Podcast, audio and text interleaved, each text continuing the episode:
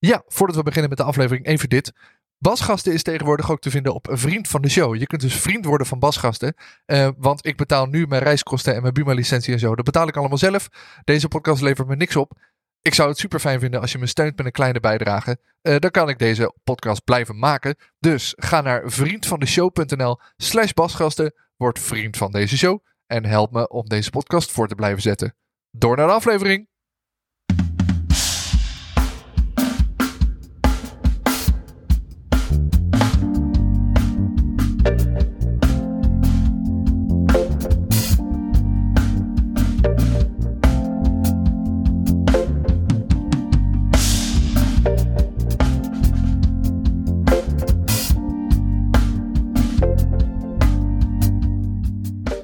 Ja, dit is weer een nieuwe aflevering van Basgasten. Mijn naam is Hidde en in deze podcast ga ik in gesprek met bassisten over wat ze drijft, welke spullen ze gebruiken en welke mensen hen inspireren.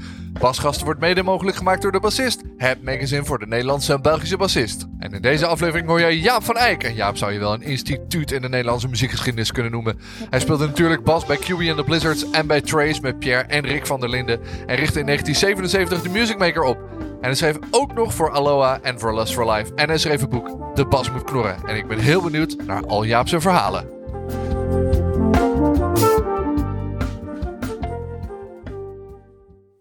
Ga ik maar eens laten lopen. Superleuk. Jaap, ik ben uh, in Nijmegen. Ja, bij je thuis. In uh, het prachtige Nijmegen-West. Ik vind het uh, super bijzonder en heel fijn dat ik er mag zijn. Nou, ik ben nog hooglijk vereerd, moet ik eerlijk zeggen. Ja, want uh, zo lang uh, speel ik al een hele tijd geen bas meer.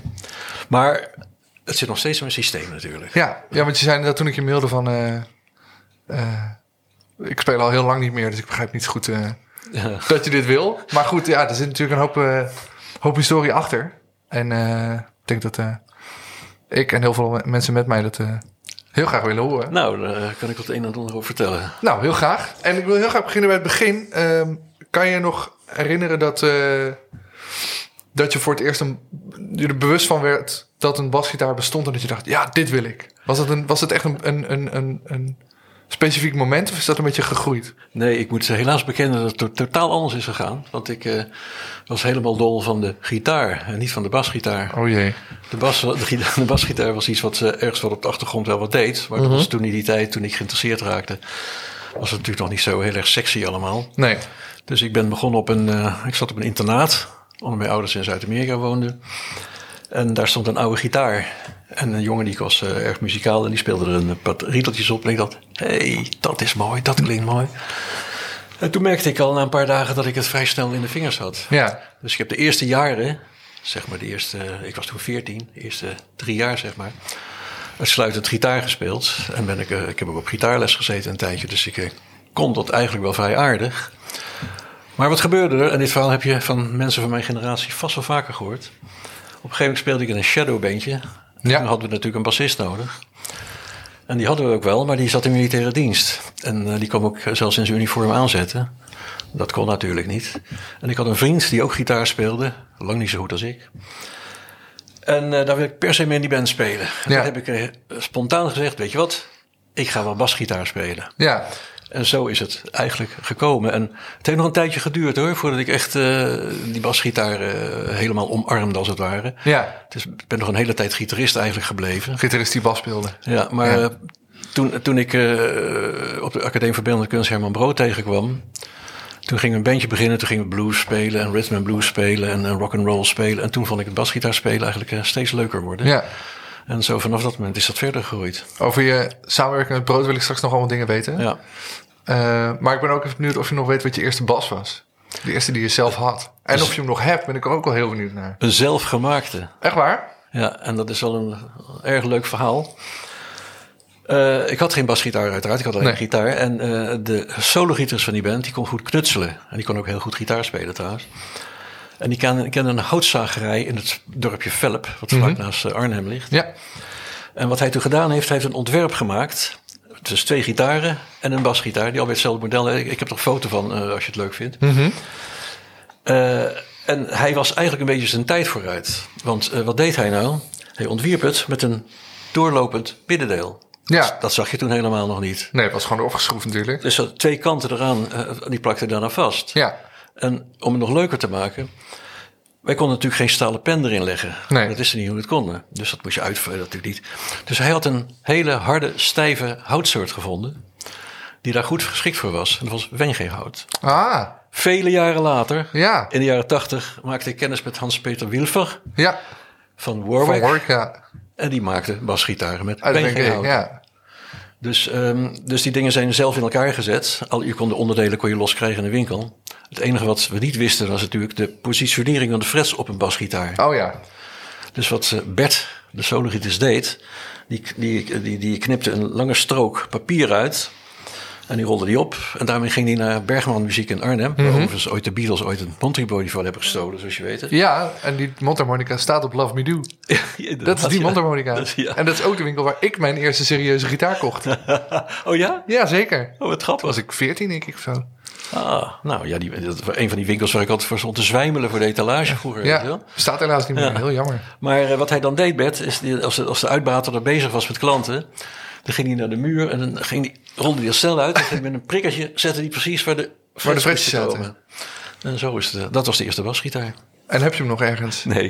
Die is alweer ergens eh, verdwenen in de vergetelheid. Die heb ik ooit een keer overgedaan aan een vriendje. En toen, eh, toen ik mijn eerste echte basgitaar kocht, en dat was een, eh, een hufter met rood kunstleer bekleed. Oh ja, En dan zaten al die van schuifjes een rode. Skyleer. Ja, Ja. exact, ja. Dat was de eerste echte, zeg maar. Ja. En daarna kwam de eerste Fender Precision bas. Ja. Ja, want ik, sta nu, ik ben dus in je huis en er staat één bas in je kamer. Ja. Dat is een Fender Precision. Ja. Uit de gokje. 71, 75. 75. Ja. En heb je die... Is het, is het al heel lang je soort van Nou, steun en toeverlaat? Of? Ook hier zit een eh, buitengewoon lang verhaal achter. Want ehm, Ik heb de tijd. die eerste Precision bas die ik had, die had ook de stemsleutels die achter, Oh ja. anders, andersom draaiden, weet je wel. Het was in 1963 en die hing altijd in de winkel, die jij waarschijnlijk ook kent dan, Scharrenberg. Ja, zeker. Muziekhuis Scharrenberg. Ja, en die was destijds gevestigd aan de Klarendalse weg in Arnhem. En er hing dat ding in de winkel. Maar ik had natuurlijk geen geld. En mijn ouders hadden dat wel. En, eh, maar die wilden er niet in investeren. Die Nee. vonden het een raar, raar, raar gedoe allemaal. En uiteindelijk heb ik met eh, allerlei klusjes erbij... heb ik eh, een aanbetaling kunnen regelen. Toen heeft mijn vader zijn hand tegen gezet. Want die moest hem wel erg zelf betalen natuurlijk. Ja, Maar die basgitaar, daar heb ik eh, jarenlang op gespeeld. Totdat ik eh, geheel in de ban raakte van de Gibson E EB3. ook bekend uit de handen van Rien Schertsen en van Jack Bruce. Jack Bruce vooral. Ja. Dat was hem natuurlijk. Want ik vond dat... Mijn boek heet dus De Bas moet knorren, zoals Ja. je heet. Ik vond het knorrende geluid zo mooi. Het was net een tuba wat hij, wat, Ja. wat, wat, wat hij eh, bewerkstelligde. Dus ik heb een tijd heb die twee gehad. Een Fender, die ene Fender en die andere Fender. En in de mist der tijden weet ik eigenlijk niet precies meer waar die andere oude Fender is gebleven. Want die EB3 heb ik op een gegeven moment ook weer weggedaan. Toen ben ik weer op Fenders overgegaan. En op een gegeven moment had ik er twee. Twee precision bassen. En die zijn tijdens een tournee in Engeland met eh, een van de latere bands waar ik in zat. Zijn die gestolen. Oh, het lijkt me echt, die, die realisatie dat je bas is gestolen lijkt me Ja. echt verschrikkelijk. Ja, en dat was vlak voor een groot optreden. Wij, wij waren een voorprogramma van een bekende Engelse band. En eh, ja, ik had geen basgitaar. Toen heb ik die van Phil Cohn, zo heette de bassist van die band, heb ik die geleend voor die avond. Wauw. En de volgende dag naar een muziekhandel, ik geloof in Birmingham. En heb ik toen hals over kop eentje gekocht. En later nog eentje, en dat is die. Die, ja. Ja, Dus die, staat al heel lang, eh, die gaat al heel lang met je mee, zeg maar. ja, ja. Wat bijzonder. Maar ik heb ook een Musicman Stingray heb ik nog. En die vind ik wel prettiger wat, eh, wat de hals, eh, hals Ja, betreft. ja. Ik vind hem wel een beetje zwaar en deze heeft meer dynamiek. Maar ik vind dat wel een lekkere, lekkere dingen op te spelen. Ja. Maar je vertelde net voor de opname dat hij nu bij je zoon staat. Ja, ja. Die speelt dus ook. Dat vind ik dan wel. Ik vind dat het wel gaaf als mensen dat soort dingen dan soort van doorgeven. Nou, hij is ook op gitaar begonnen. Ja. Hij heeft op de Lindenberg eh, gitaarles gehad. Aan Luc Schrievers. Jou misschien wel bekend. Bekende Nou, gitarist dat uit ik Nijmegen. ja. Maar hij is aan de hand. eh, hij is later ook in de, geïnteresseerd geraakt in de basgitaar. Die staat bij hem altijd in de kamer. Dus net zoals ik het vroeger altijd deed. ja, Maar hij is leraar van zijn beroep. Dus uh, zodoende. leuk. Hey, en toen je begon met bassen had je toen meteen... Nou, je noemde de naam Jack Bruce al. Dat is natuurlijk... Cream is zeg maar eh, vanaf eh, 67 uit mijn hoofd. Ja, dat waren mijn grote helden toen. hè? Ja. Dat, dat, dat was ook meteen toen je begon met spelen... dat je dat je, je daaraan... Nee, ik had, in, in het begin was het natuurlijk... eh, kijk, toen ik, toen ik begon eh, gitaar te spelen was ik 14. En eh, toen ik overschakelde op die basgitaar... Ik denk dat ik toen al ja, 18 was hoor. 17 of 18. Toen zat ik Nog net op de Academie van Beeldende Kunst zal ik doen, ja.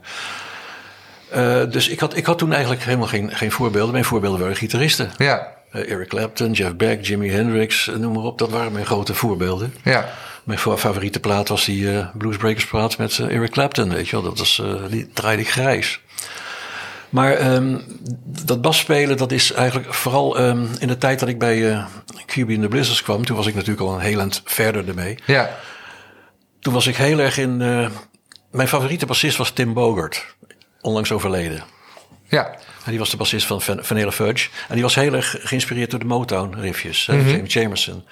Dus dat huppelende, weet je, je kent dat wel. Melodieuze, Dat, dat, ja. dans, dat dansende.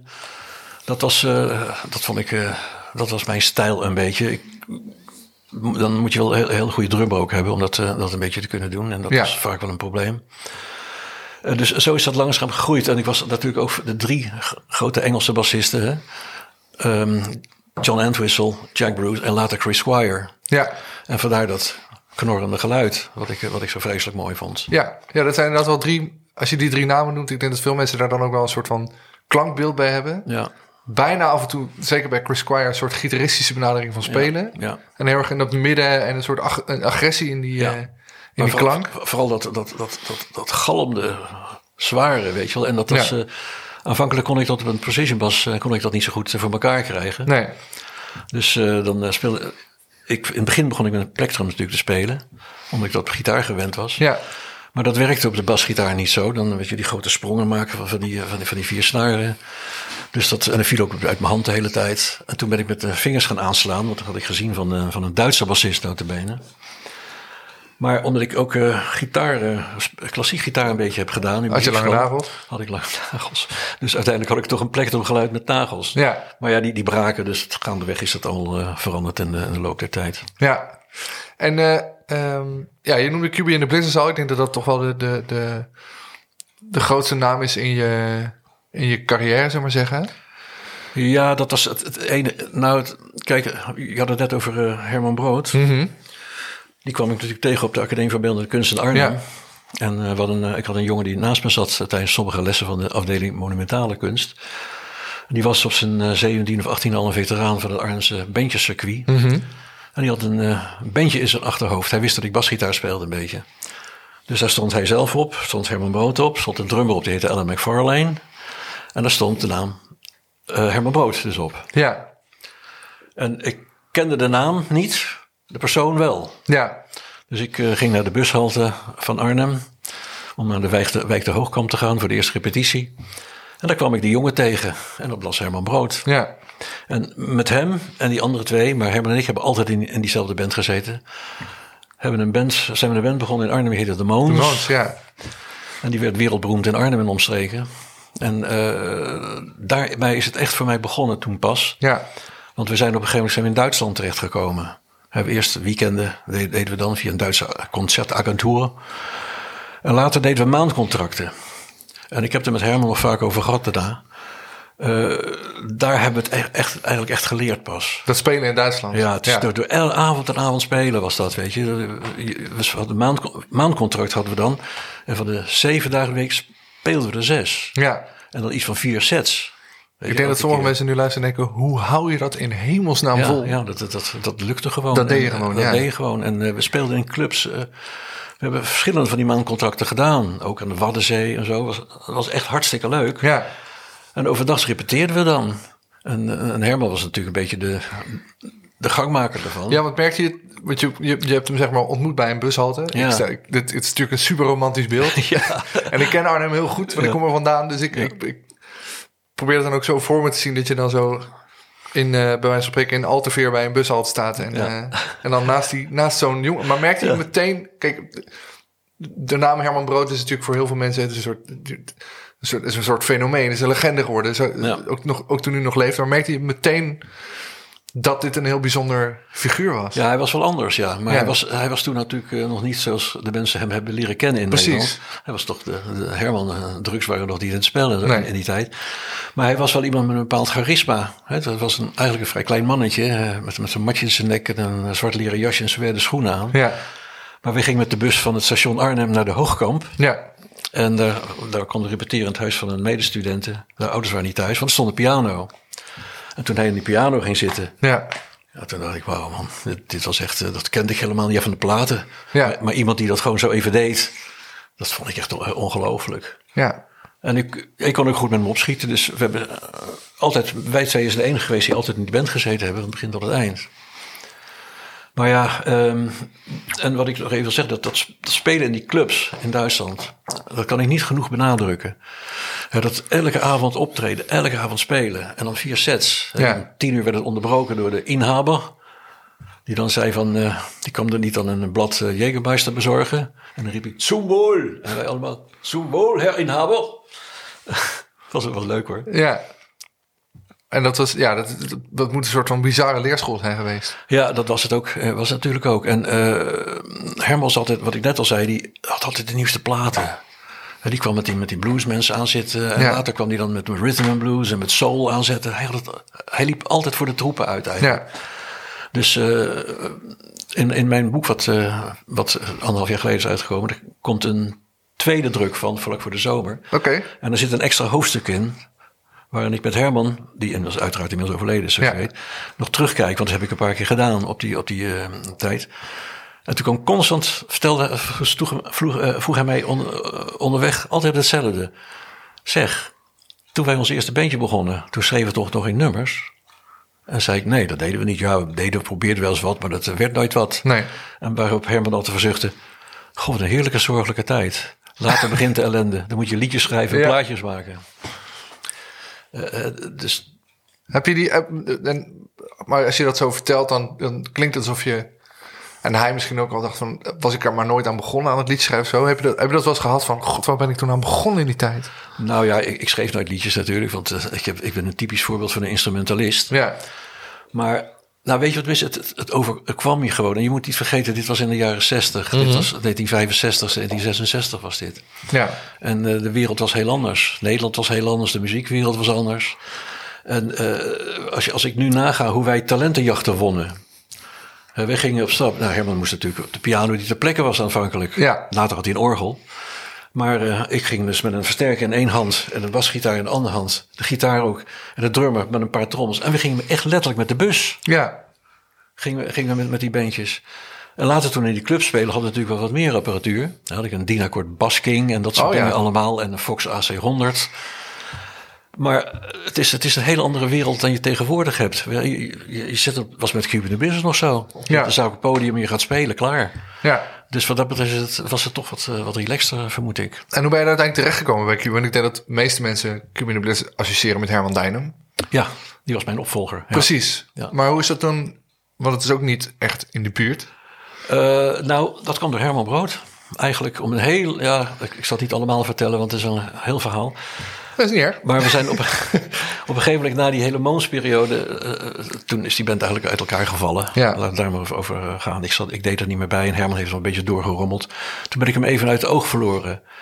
En wij hadden bij de Moons vraag een saxofonist die meespeelde. En dat was Rudy van Dijk, Ja. inmiddels overleden. Dat was een goede schoolvriend van Herman. Nou, die heeft op een gegeven moment een band begonnen en die heette Blues Dimension. Daar was ik de eerste bassist van. Mijn opvolger daarin was Herman, Herman ja. Maar goed, aan het eind van 1967, toen ehm, kreeg ik ineens een telefoontje van iemand die ik hooglijk bewonderde, maar niet kende. Dat was Ilko Gelling, Kijk. de gitarist. Ja. En die zei letterlijk tegen mij: Ja, Herman vond dat ik jou eens moest bellen. Dus Herman heeft mij aanbevolen. En die band die lag toen op zijn gat. Ja. En Herman zat in de baaiers. Dus we zijn een weekendje gaan repeteren. Zonder Herman. Ilko Gelling, Hans Waterman en ik. Ja. Ging hartstikke leuk. Paar dagen later belde Elke me weer op. Hij zei, ja, sorry, maar ik ga weer verder met Harry. We gaan weer door met Cuban Blizzards. Doe je mee? Dus ik zeg, ja, wie zegt af ja. in die tijd? Ja. Dus ik ben met, eh met eh Elko en Hans naar eh, de manager gegaan. Daar zat Harry Muskee met een andere drummer. Dus dat werd een beetje pijnlijk. Toen, Ja. is, toen is Hans afgevallen en toen we met Dick Beekman verder. En kort daarop kwam Herman er ook bij. En toen hadden we weer Cuban de Blizzards. Dus ik ben er dankzij Herman bijgekomen. Daar komt het op neer. Ja, dankzij Herman. En uiteindelijk ook de, de basduties overgedragen aan een andere Herman. Ja, ja, ja dat was, eh, was een tijd later was dat. Een Ja. half jaar later was dat. Ja. Lijkt me wel heel bizar met die met die club te hebben gespeeld? Nou, ik, ik heb natuurlijk vreselijk geluk gehad, omdat die band die was natuurlijk wel eh, had op, op zijn gat gelegen een tijdje, maar die was toen echt de absolute top. Ja, Eh, dus eh, dat was echt een buitengewoon een hectische tijd was dat. En eh, de eerste haar, haar jaar ging echt, eh, ja, ging echt hartstikke goed. het zijn ook buitengewoon heftige mensen natuurlijk. Ja, dus, eh, maar ze vonden mij te solistisch spelen uiteindelijk. Oh ja. dat was dan de invloed van Jack Bruce op je spel. Die, eh, Ja, ik, ik, ze, ze moedigde me in het begin heel erg aan, omdat ik inmiddels redelijk technisch geavanceerd was. Ja. Van, moet je doen? Ja, moet je verder, moet je doen. Maar ja, ik heb mijn hand een beetje overspeeld, denk ik, aan het eind. Maar het was een, een, een, een hele enerverende periode... waarin we twee langspeelplaten hebben gemaakt. Ja. En eh, ook op- in Engeland hebben we een tour gedaan, maar dat is eh, een beetje mislukt. Maar we zijn ook in Scandinavië geweest. En natuurlijk, natuurlijk heel veel in Duitsland en in, en, en hoe heet het, eh, in Tsjechoslowakije zelfs. Zijn we zelf nog een keertje geweest. Maar wat bedoel je dan met mislukt? Was het dan te weinig mensen? Of, eh, De tour was slecht georganiseerd. Oh ja. We kwamen daar binnen en eh, bij, de, bij de douane kwam onze enige roadie, want we hadden maar één roadie Oh ja. natuurlijk. Die kwam het land niet in vanwege een of andere duistere vergrijpen in, in, het, in het verleden. Dus we zijn eh, de bandleden om een beurt, Dick Beekman en drummer en ik, waren de enige met een rijbewijs. Dus we zijn om beurten zijn wij eh, links rijdend met het busje vol apparatuur naar Londen Oh. gereden. dat lijkt me echt heel spannend. Ja, toen kwamen we terecht in een hotel dat was voor ons geboekt en hadden ze een muntjestelefoon. En met die muntjestelefoon kon ik eh, het agentuur bellen. Oh ja, ja, ja, die hebben toen voor ons een eh, Engelse roadie geregeld. Dave Duffield heette die. En dat was wel leuk, want die was roadie geweest van de Kings en Kijk. Foundations. En die kon daar hele leuke verhalen over Dat vertellen. kan ik me wel voorstellen, ja. Maar wij waren in die tijd, door allerlei festivals in Duitsland waar we gespeeld hadden, was Harry Muskee nogal eh bevriend geraakt met Alexis Corner. Mhm. Ja, de aartsvaarder van de Brit- Britse blues. Dus we zijn op een avond, dit was eigenlijk een belangrijk iets in mijn leven. We zijn op een avond bij Al- Alexis gaan klagen van, eh, wat, moeten we nou en wat en nou. Toen zei hij, nou weet je wat, laten we niet vervelend doen, we gaan lekker naar de Marquis vanavond, er speelt een leuk bandje. Mijn, eh, mijn dochter heeft een vriendje, dat is een bassist, die is pas 16, maar die is heel goed. En die spelen in de Marquis. En dat was free. Gewoon even naar een leuk beentje gaan kijken. Dat was Paul Rogers, Andy Fraser. David Kossoff, Andy Fraser, 16 jaar oud. Ja, En Simon Kirk. En ik was helemaal, eh ja tuurlijk. helemaal ondersteboven, omdat uh, Andy Fraser speelde ook op Pickers met EP3 trouwens. Ja, En ik begreep niet hoe ze die dan zijn ritm- ritmiek bereikte. Dus Ja, er zit een soort swing in die- Ja. Zo gaat dat. En ik snapte niet hoe ze dat deden, want eh, wij waren gewend om alles vol te spelen. ja, En dan hier had je dan ineens van, ja, die ruimte, terwijl het toch niet leeg klinkt. ja. Daar, eh, ja, dat heeft mij enorm aan het denken, denken gezet. Ja. En was dat voor of nadat ze zeiden... je speelt misschien een beetje te solistisch? nee, dat was daarvoor. Ja, precies. maar toen ze dat tegen je zeiden... want het lijkt me wel wonderlijk. Want dit, dan, dan word je zeg maar... eh, eh, wordt tegen je gezegd van... Hey, we vinden dat je, dat je te, te solistisch speelt. Dat lijkt me vrij confronterend om zoiets dan te Ja, horen. ja, ik was ook vreselijk van, van slag ervan. kan ik me voorstellen. Ik vond het niet leuk, maar eh, achteraf heb ik begrepen, eh, toen ik met het boek bezig was, heb ik de manager nog een keer gesproken. En eh, die vertelde mij ook iets wat ik me ook nog wel kon herinneren. Hij zei, ja, jou werd kwalijk genomen dat je te veel het initiatief nam. Als persoon of als muzikant? Ja, als, als mens ook. En als, als, als muzikant en als, als persoon. En ik dacht, ja, wat bedoelt ze daar nou mee? Maar Harry die zei dat ook, had het ook een keer tegen me gezegd, toen de tijd. En dat komt wel, denk ik, omdat ik, ehm, ik kan er heel erg slecht tegen als dingen maar blijven voortkeutelen. Ja. Weet je wel? En eh, van, kom nou jongens, laten we nou gaan en zo. En dan eh, ik- probeer je dat een beetje te trekken, weet je. Ja. Dat werd me geloof ik ook niet allemaal in dank afgenomen. Het ging natuurlijk om Harry en Eelco. Ja. En niet om mij of Dick Beekman, ook zelfs niet om Herman eigenlijk. Maar het ging om Harry en Eelco. Herman heeft me later ook verteld, het komt ook in de nieuwe versie van mijn boek staat het ook, dat hij zich nooit onderdeel van het geheel heeft gevoeld. Nee. Was altijd zeg maar iemand die ook toevallig meespeelde. Of. Ja, ja. Hij zei, terwijl hij vreselijk belangrijk voor die band was. Ja. Want de meeste succesnummers uit die tijd waren in wezen Herman Boodnummers hoor. ja. Maar hij, eh, eh, hij had het dan moeilijk mee, omdat hij eh, natuurlijk, ja, hij speelde de piano. En hoe deden we dat toen die tijd? Deed je twee microfoons in, heel hoog en laag. Ja. Maar als hij op het podium zat, dan hoorde hij zichzelf bijna nooit. Nee, van monitor. Dus, ja. dus ja, ze- die hadden we niet, monitors. Dus dat was geen onverdeeld genoegen. Nee, precies. En eh, als ik... eh, ik google mensen altijd even en dat zoek ik een beetje uit. En ik heb het... Je bent natuurlijk best wel lang geleden echt gestopt met... in ieder geval professioneel spelen. ja. Waarom ben je toen eigenlijk gestopt? Ja, dat, weet ik, dat vind ik een beetje moeilijk om te benoemen. Ik heb een um, ontzettend veel ups en downs in carrières meegehad. Ja. Ik heb ook bij Living Blues gespeeld. Ik Ja. heb bij Solution gespeeld, The Motions gespeeld. En eh, ik heb zelfs een aanbieding van Focus gehad, die ik heb afgewezen. En ik heb op Nog de steeds spijt van of valt het wel mee? Nou, ja, Jan Akkerman zei dat toen tegen mij. Daar krijg je spijt van. En eh, ik was toen met Solution een keer in Engeland. En toen eh, hadden, moesten, we- stonden we in de zaal te wachten tot we op mochten komen. En de zaal was vol. Toen draaiden ze muziek. En op een gegeven moment draaiden ze Hocus Pocus. Ja. En toen barstte er een luid gejeugen die zaal los. Ja. Dacht ik, potverdomme, dacht ik toen eens. Had Nee, kunnen zijn? Het had nooit gewerkt. Het eh, was, was nooit dat geworden. Dat, dat, weet ik, dat, dat weet ik achteraf ook wel. Maar om op je vraag terug te komen. Dus ik heb ontzettend veel ups en downs meegemaakt. Ja. En, ehm, eh, een van de grote problemen die ik had... is dat ik altijd dat gezeur over, dat, over financiën. En dan, dan ging het weer lekker en dan zakte Ja. de boel weer in elkaar. En dan kon het niet. eh een spreekwoordelijke vriendin met een goede baan, weet je wel. Ja. Die had ik toen toevallig, niet deze, maar een andere. Dus dat, dat, die, die, die redden we dan wel weer op de een of andere manier. En dan ging het weer een tijdje goed. Bij Living Blues heb ik ook een geweldige, leuke tijd gehad. Maar die duurde ook niet zo verschrikkelijk lang.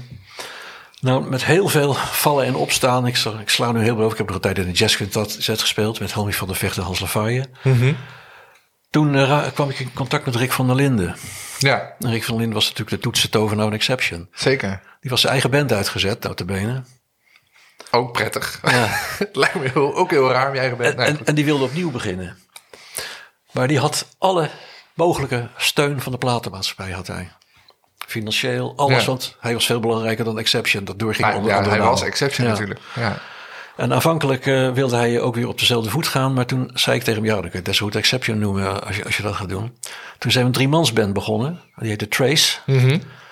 Met Pierre van der Linden op drums. Kijk, Aanvankelijk. toch nog met iemand uit Focus gespeeld. Ja, ja, exact, ja, exact, ja.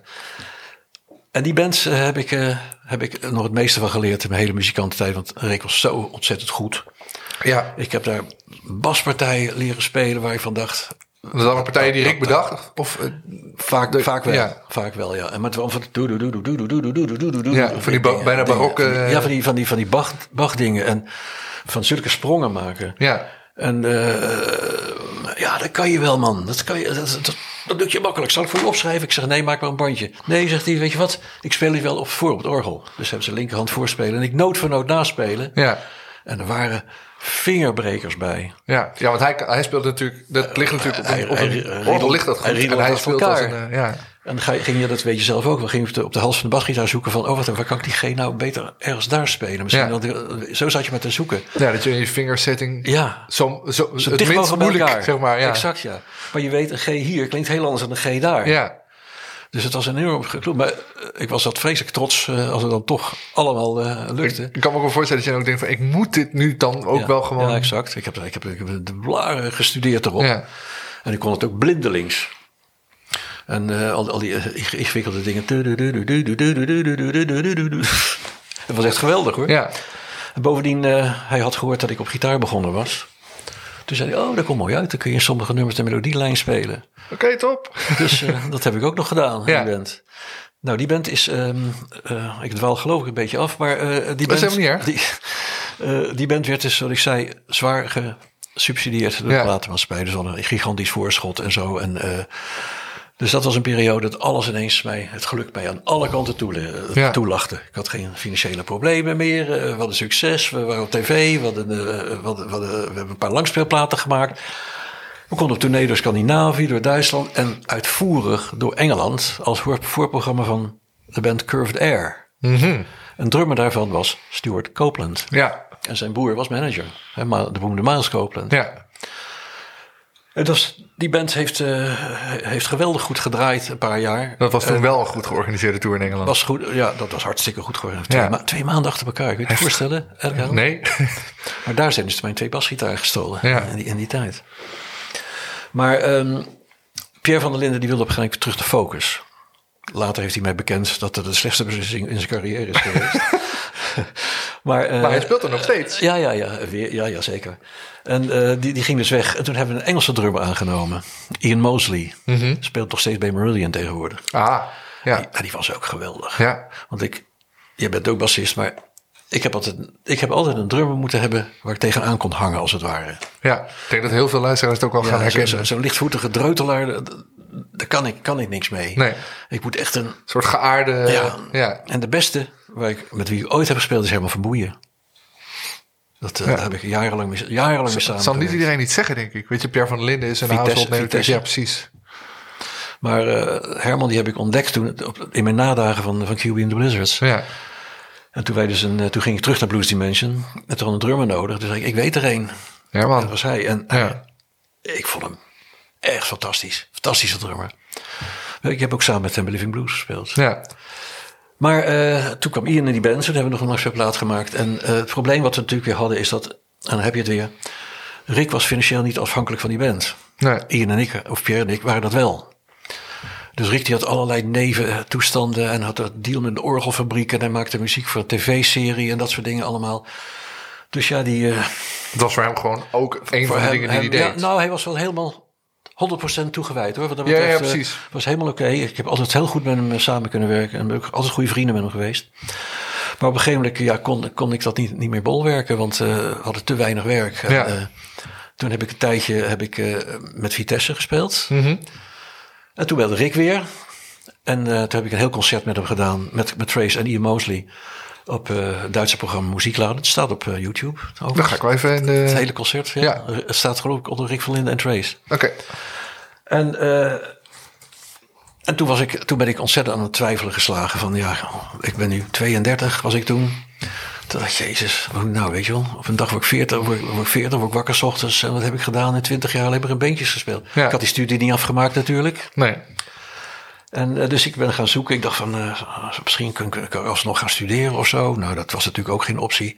En toen kwam ik via twee jongens met wie ik ooit in de band heb gespeeld. Eerder mensen met wie je in band hebt gespeeld, je kon ze altijd tegen. Zeker weten, ja. Ja, absoluut. En die eh, kenden een eh, heer in Nijmegen als een uitgeverij. De Gelderlande Vakpers heette die. Ja. En dat was een uitgeverij vakbladen. En die wilde van die speciale, wat ze dan een special interest magazine noemen, Mhm. wilden ze opstarten. En ze dachten ook aan een muziekblad. Ja. En op dat moment kwam ik binnenstappen. En ik raakte gesprek met een man van wie later bleek dat hij de directeur van de uitgeverij was. Dat wist je helemaal niet.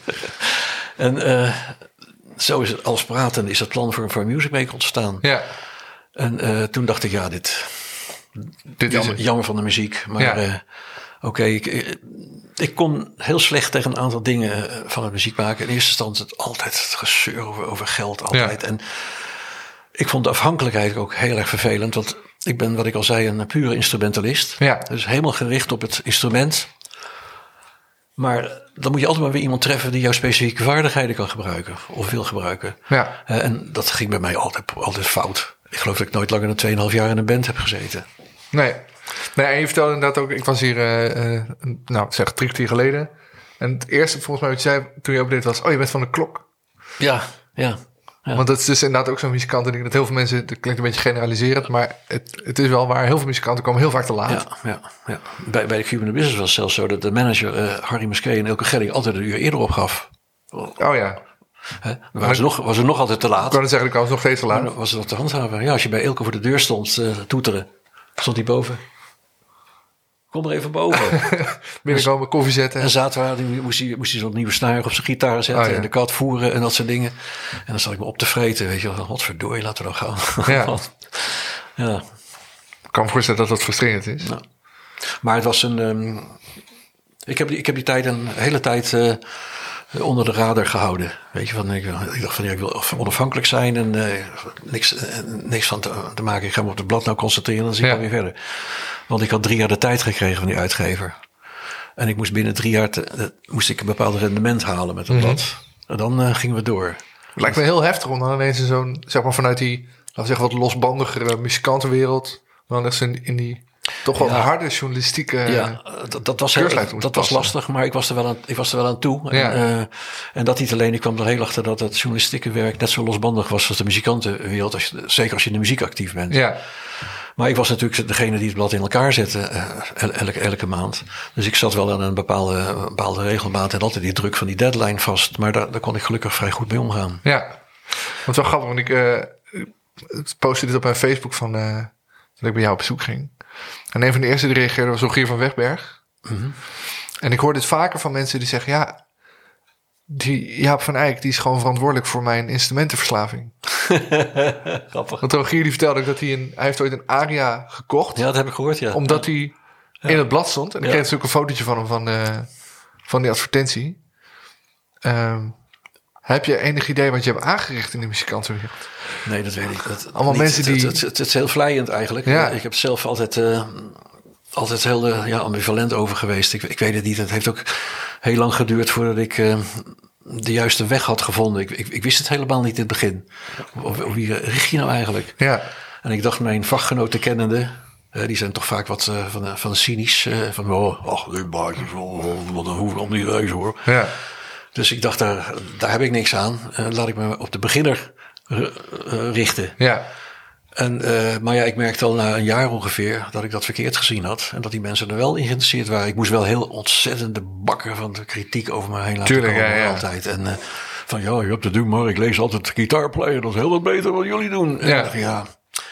je moet eens weten wat ik... eh, Weet je hoe lang de guitarplayer al bestaat, überhaupt? ja, en, en, en bijvoorbeeld in de Engelse bladen voeren. Ik weet niet of je die nou nog hebt tegenwoordig. Maar je had toen de tijd een Engels blad. heette International Musician. Was heel populair. En daar werd ik altijd mee vergeleken. En ik wist dat het blad gewoon redactioneel helemaal fout was. Dat wist ik. Ja, Het was gewoon koppelverkoop allemaal.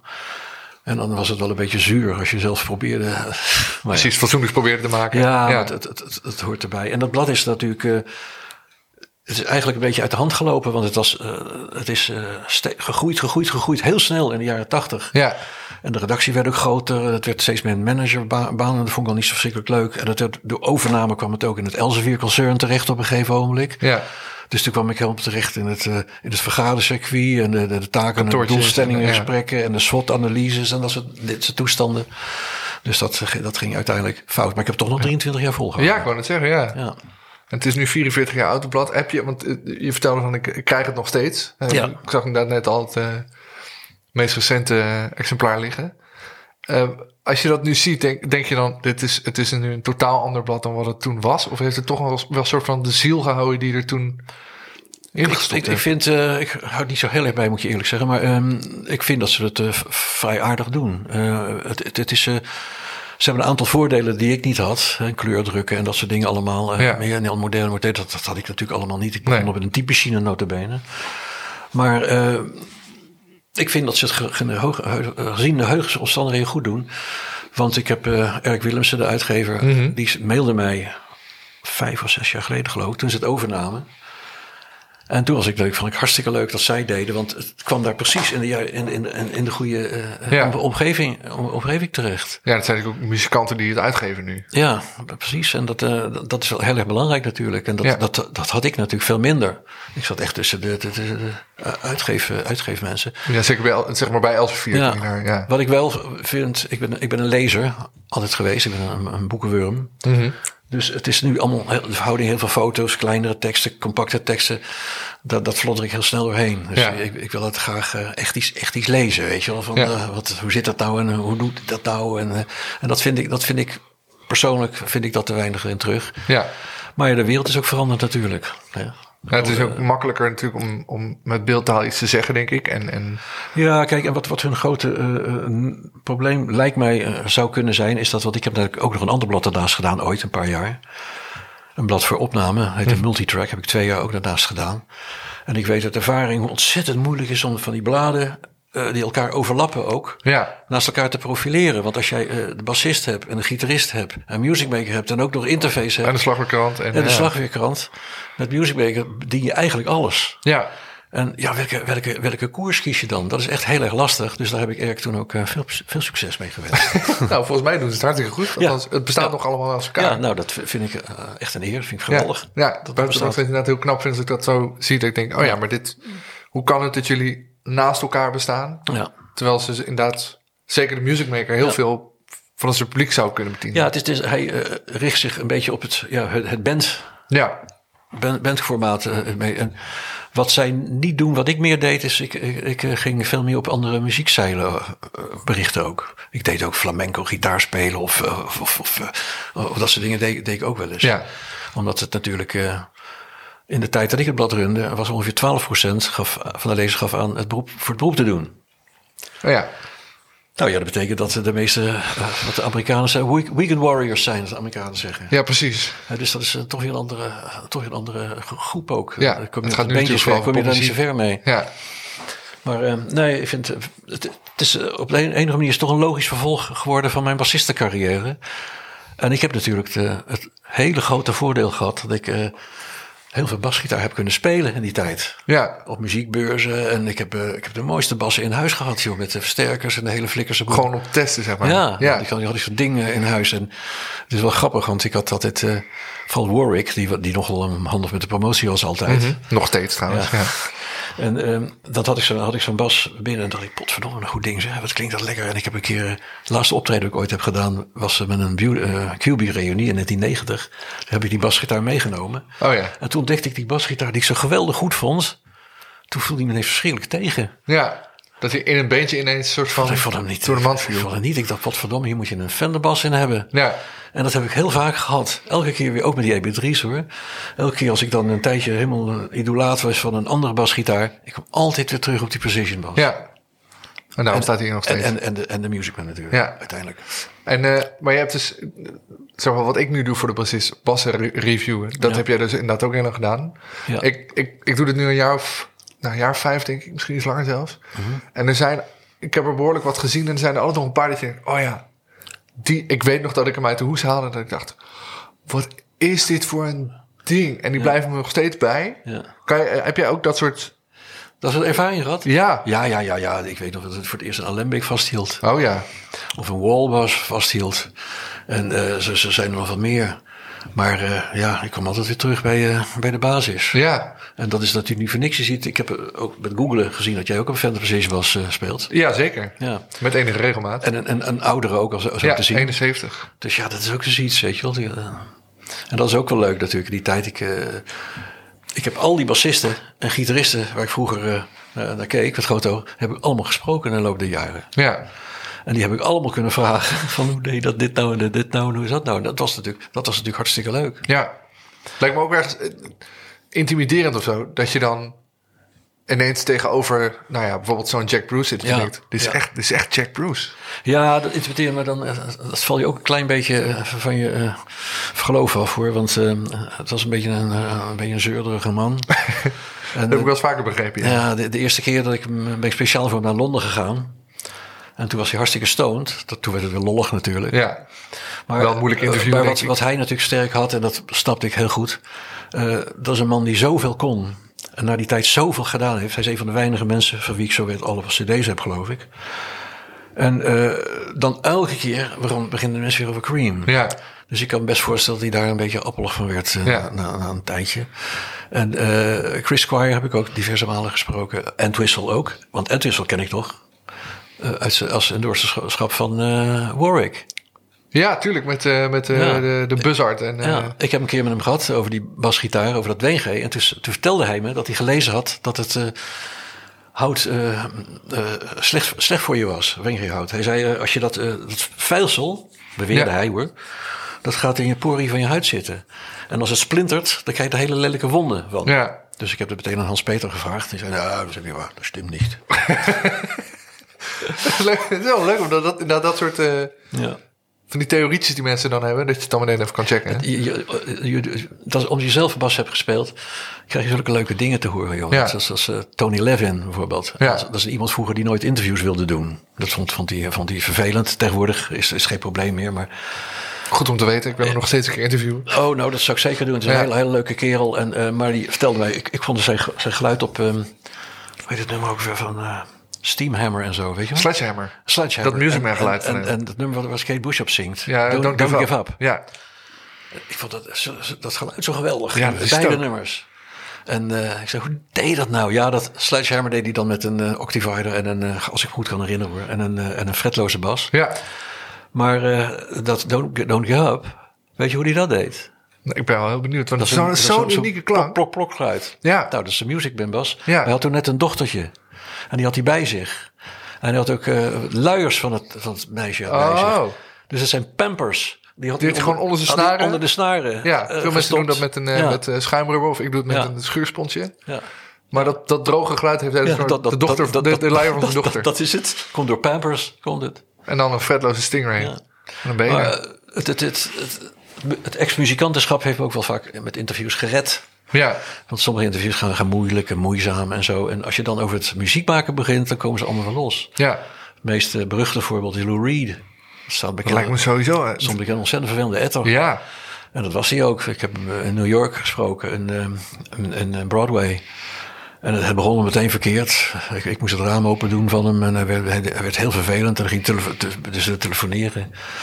Maar ik had het eh, gehoord. En hier komt Tony Levin ook weer boven zo meteen.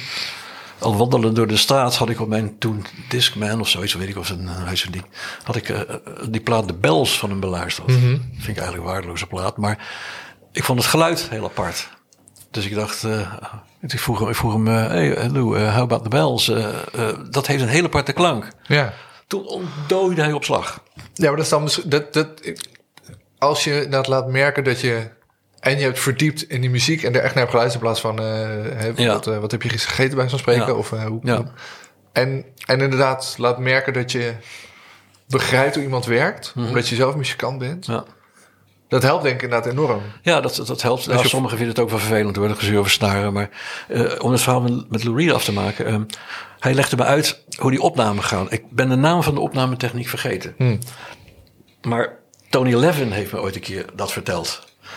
Eh, dat is een manier van opnemen waarin de, eh, het geluid opgenomen wordt met twee microfoons. Ja. Die op een bril zitten, die de technicus draagt. Oké. Dus je eh reciteert het geluid op de plaats waar de technicus bevindt. En Tony vertelde me toen een verhaal dat hij de technicus op een bootje in een grot, op een meer in een grot had gezet. Ja. Dat vond ik een wat sterk verhaal, maar het bleek Ja. achteraf te klo- kloppen. En dat was exact de techniek die Lou Reed gebruikt had voor die plaat. Dus hij vond het prachtig dat ik dat vroeg. Ja, probeer me het even voor te stellen. Iemand met een microfoontje. Ja, ik, het, heeft, Enig- het heeft een bepaalde naam, de manier van opnemen. Maar eh, misschien is het al lang weer obsolet geworden, ik weet het niet. Maar Nou, waarschijnlijk kan je het ook weer simuleren met een plugin. Maar ja. tegenwoordig kun je alles, eh, alles anders doen. ja. Maar ja, zo heb je er voordeel bij af en toe. Ja, mis je dat nog wel, dat muzikantenleven? Of Nou, heb je het gemist dat je een artikel zat Nee, ik schrijven heb, en ik dacht... heb de "God, onzekerheid eh, heb ik nooit gemist. Ik was hartstikke blij dat ik, dat, ik- dat ik dat niet meer had. En ik had een nieuwe uitdaging. Ja, Eh, wat ik wel eens af en toe geknaagd heeft. Als je denkt van, eh, als je een goede band hoort. Dan denk je van, oh, dat lijkt me wel leuk om te doen. Zeg. Ja. Eh, Ik had het een paar jaar geleden, had ik het nog. Toen eh zat ik met oud en nieuw televisie te kijken. En toen viel ik in een concert van, eh, een live concert van Joe Cocker met een band. oh, En die had zo'n goede band. Ja. Had een, had een eh, vrouwelijke bassiste, had hij. Niet Tel Wilkenveld, maar een eh, an- andere mm, bassiste. ik ga het intussen even opgooglen, want dan ben ik wel heel erg benieuwd. Die eh, heel erg goed, goed speelde. Bedoel je het concert, bedoel je? Ja, nou, ik ga het even, even kijken of ik snel kan vinden wie die bassist is. Het is een donker meisje. Ja, dat zou wel eens Rhonda Smith kunnen zijn geweest. Nee, nee, die, die is het niet. Het is een heel jong meisje. Eh, Onida James, Oh, dat zou kunnen. denk ik. Dat zou kunnen, ja. Ja. Ja, van 2001 tot 2014 was ze de bassist van eh, Oh, dat zou zomaar kunnen. Cocker. Dat zou zomaar kunnen, ja. ja, Onida James. En die is eh, inderdaad best wel jong. Kan nu niet zo heel oud, maar ja. Maar dat was dus heel goed. Toen dacht je, Ja, ik oh, vond, ik vond die, de- band als, als geheel vond Ja. ik heel goed. Eh, ze speelden heel basic maar, eh, in, die band, maar dat klopte allemaal heel goed. En toen dacht ik, ja, zo, dat stompte lekker, weet je. Dan dacht ik, Ja. dat denk je dan wel eens van, goh, oh, had ik wel weer. eh, Ja. Hey, en je hebt een, eh, dat, is, eh, twee jaar geleden een boek uitgekomen. Ja. De Bas moet knorren. ja. ik, ik zat er een beetje over na te denken. Ik dacht ik, je bent meer dan 40 jaar geleden eh, eh, zeg maar gestopt met professioneel muzikant zijn. ja. Waarom nu pas een boek daarover? Dat heb ik proberen te verklaren aan het, eh, in, de, in, de, in de, hoe heet het, de- het naschrift, een Ja. epiloog. Dat is, maar dat is eigenlijk wel een, een simpel antwoord op. Ik heb dat nooit willen doen eigenlijk. Nee. Ik, ik vond het wel leuk om eens een keer over te vertellen. Maar op een gegeven moment wordt ook een beetje afgezaagde oude lullenverhalen natuurlijk. En, en af en toe een kolompje, weet je wel, of een leuk stukje erover schrijven. Oké. Ja. Maar ik had eh, drie andere boeken gedaan hierover. Eentje over Focus en over Deep Purple en over Cream. Ja. Heb ik ook een boek geschreven.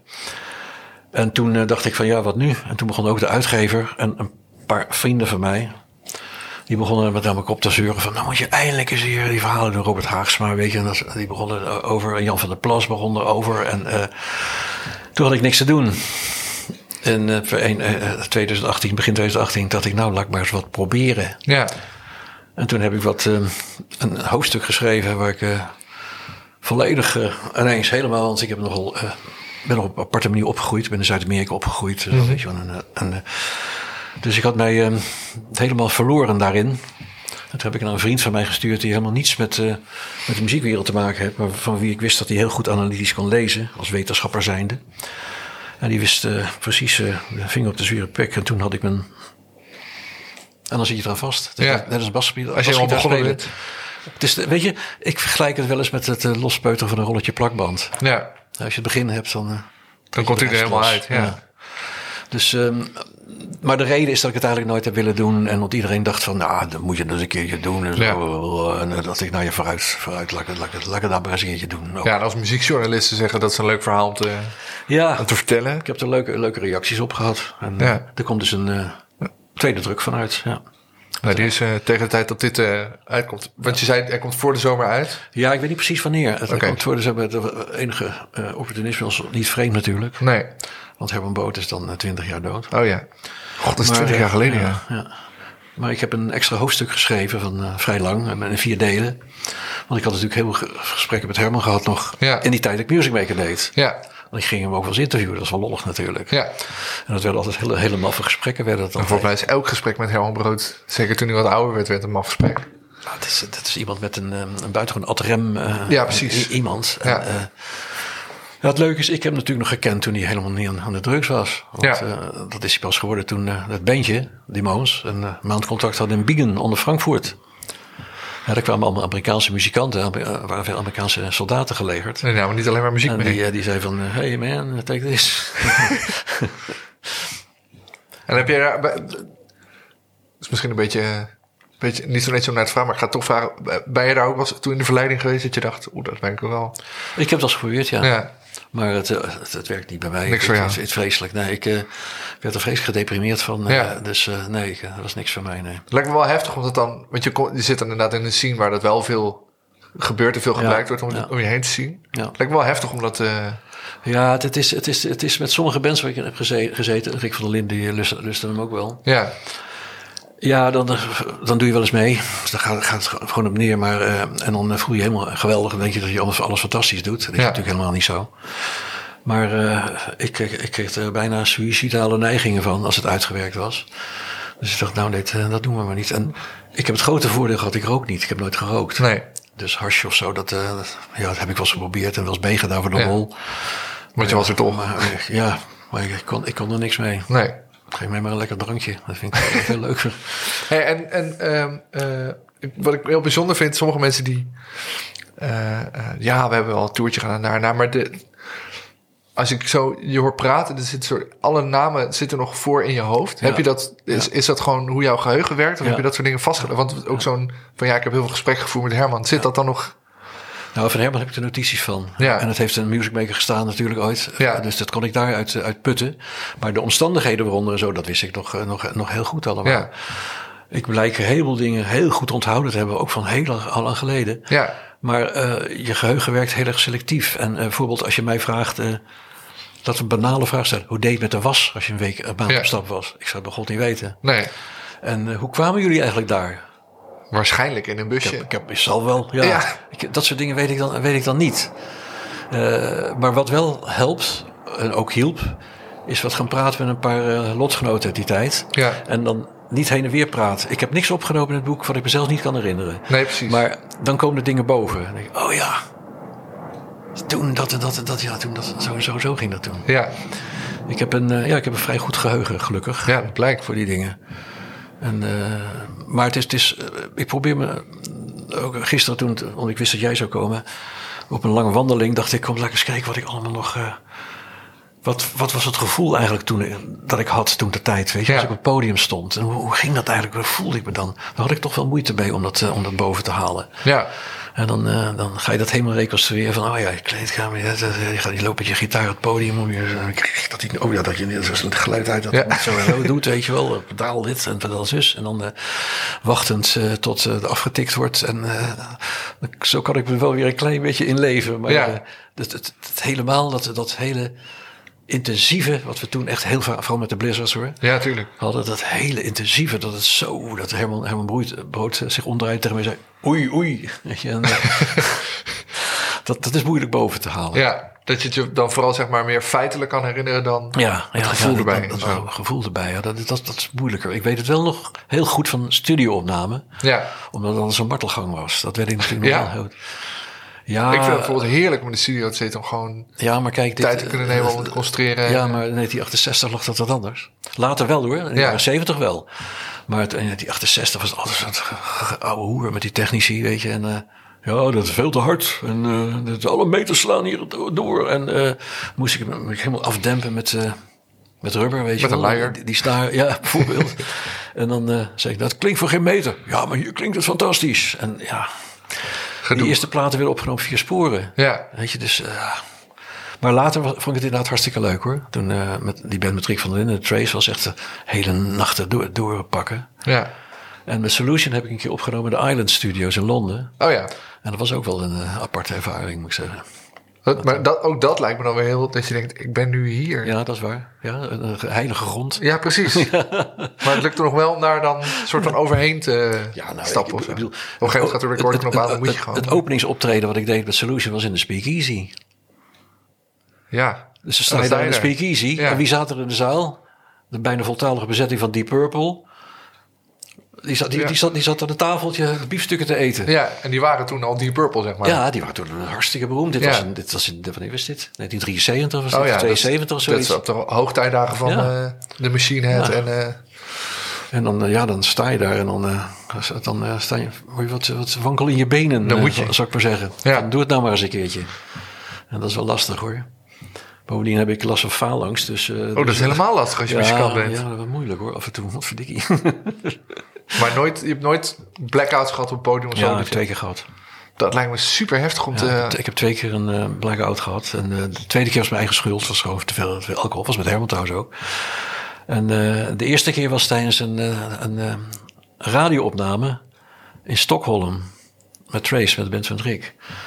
En toen stond ik te spelen. En eh, toen deed, beging ik de grootste fout die je kan begaan. Namelijk nadenken, Nadenken, over wat, er nou, wat er nou komt. Ja, En toen wist ik het ineens niet meer. Toen dacht ik, wat komt er nou toch? Maar hier hielp de interactie. ja. Dus ik keek er gek. Ah, ah. Ja, zo ging het dan wel weer. Ja, ja sowieso. Met, ik, ik heb wel ja, dat je gaat nadenken. En dat terwijl je nadenkt, dat je handen toch wel doorlopen of zo. Ja, dat is het. Dat je er voorbij bent tegen de tijd Ja. dat je weet wat er ook weer moest komen. Het is het, het, het, eh, kijk, routine en eh, automatisme is alles. Ja. Eh, En, en dat is het grote voordeel van hoe ik begonnen ben. Met wat ik nog wel zei. Die, die, die elke avond optreden. Ja, En dat zit er zo geramd in dan. En dan, dan, dan kan je nog wel een wat rare fratsen eh, veroorloven af en toe. ja, En eh, kijk, als als, als die bas niet mee gaat doen of zo, dan valt er, valt er meteen een gat in, in, in de muziek. ja. Dus dat, moet- dat moet je niet hebben. Maar wat ik, wat ik eh, altijd wel moeilijk vond eh, bij de Blizzard was... ehm, als je een midtempo shuffle speelt, hè, Mhm. dat moet swingen. Dan moet je die back, back- dan moet je die back and tick hebben. Hè, Ja. En zo. En eh, wat je dan moet doen eigenlijk is baboem, baboem, baboemen. Maar dat, dat vond ik toen, eh, ja, dat leer je een aap in de middag. Dus eh, dat doe ik niet. dus ik wilde, speelde als een lopende bas. Maar ik speelde toen met een drummer die heel anders was dan ik. En die speelde niet op het bekken, maar op de trommels. Oh ja. Eh, ook wel af en toe met zijn back and map, maar dan is het net alsof een fanfare-orkest langskomt, weet je wel. Ja. En dan, eh, dus dan moest ik wel baboem, baboem, baboem, baboem bespelen, anders werkte het niet. Dat vond ik dan niet zo leuk, over het algemeen. Zonde. Ja, Ja, wat doe je eraan, hè? ja, nou ja. Hey, ja, ik ben ontzettend benieuwd naar de tweede versie van je boek. Ja, dat nou, hoofdstuk met ik Helemaal zei het ook. Ken je het boek? Ik ken het wel. Ik moet Thomas Schaans bekennen dat ik het nog niet gelezen heb. Heb je er een, anders krijg je, krijg je er eentje van. Ik heb er nog geen. Oh, dan krijg je even, eh, krijg je er even superleuk. En eh, ik vond het heel... eh, ik vond het een eer om bij het gast te zijn. Nou, Nou, ik, ik vond het een eer. top. Hè? En ik ga ik ben, toch ik ben weer even bassist geweest. Ja, ik ga toch maar eens proberen om Herman eh Dijnem te bewerken. Want die wilde niet. Maar dat was anderhalf jaar Ja, geleden. ik, volgens mij speelt hij niet zo vaak meer. Nee, maar ja, jij ook niet. Nee, dat klopt, ja, maar hij heeft nog veel. wat- Ik, kwam, ik heb hem laatst gesproken in een reunie van een uh, Blizzardsavond in Assen. Dat is ook weer vier jaar geleden. Toen heb ik hem Ja. laatst gesproken. Toen, toen speelde hij nog wel, zei hij tegen. Ja, nou ja. Ik ga het proberen. Goeie bassist. Ja, dankjewel Jaap. Je luisterde naar het gesprek dat ik had met Jaap van Eyck. Basgasten wordt gemaakt door mij, Hidde Roorda. De muziek die je hoort is van Tyranny Vlak. Alle genoemde nummers staan in de Basgasten playlist op Spotify. Check vooral ook Basgasten op Facebook en Instagram. En vergeet vooral niet vriend van de show te worden op vriendvandeshow.nl slash basgasten. En laat een review achter op Apple Podcasts. In de volgende aflevering hoor je Nana Ajoa.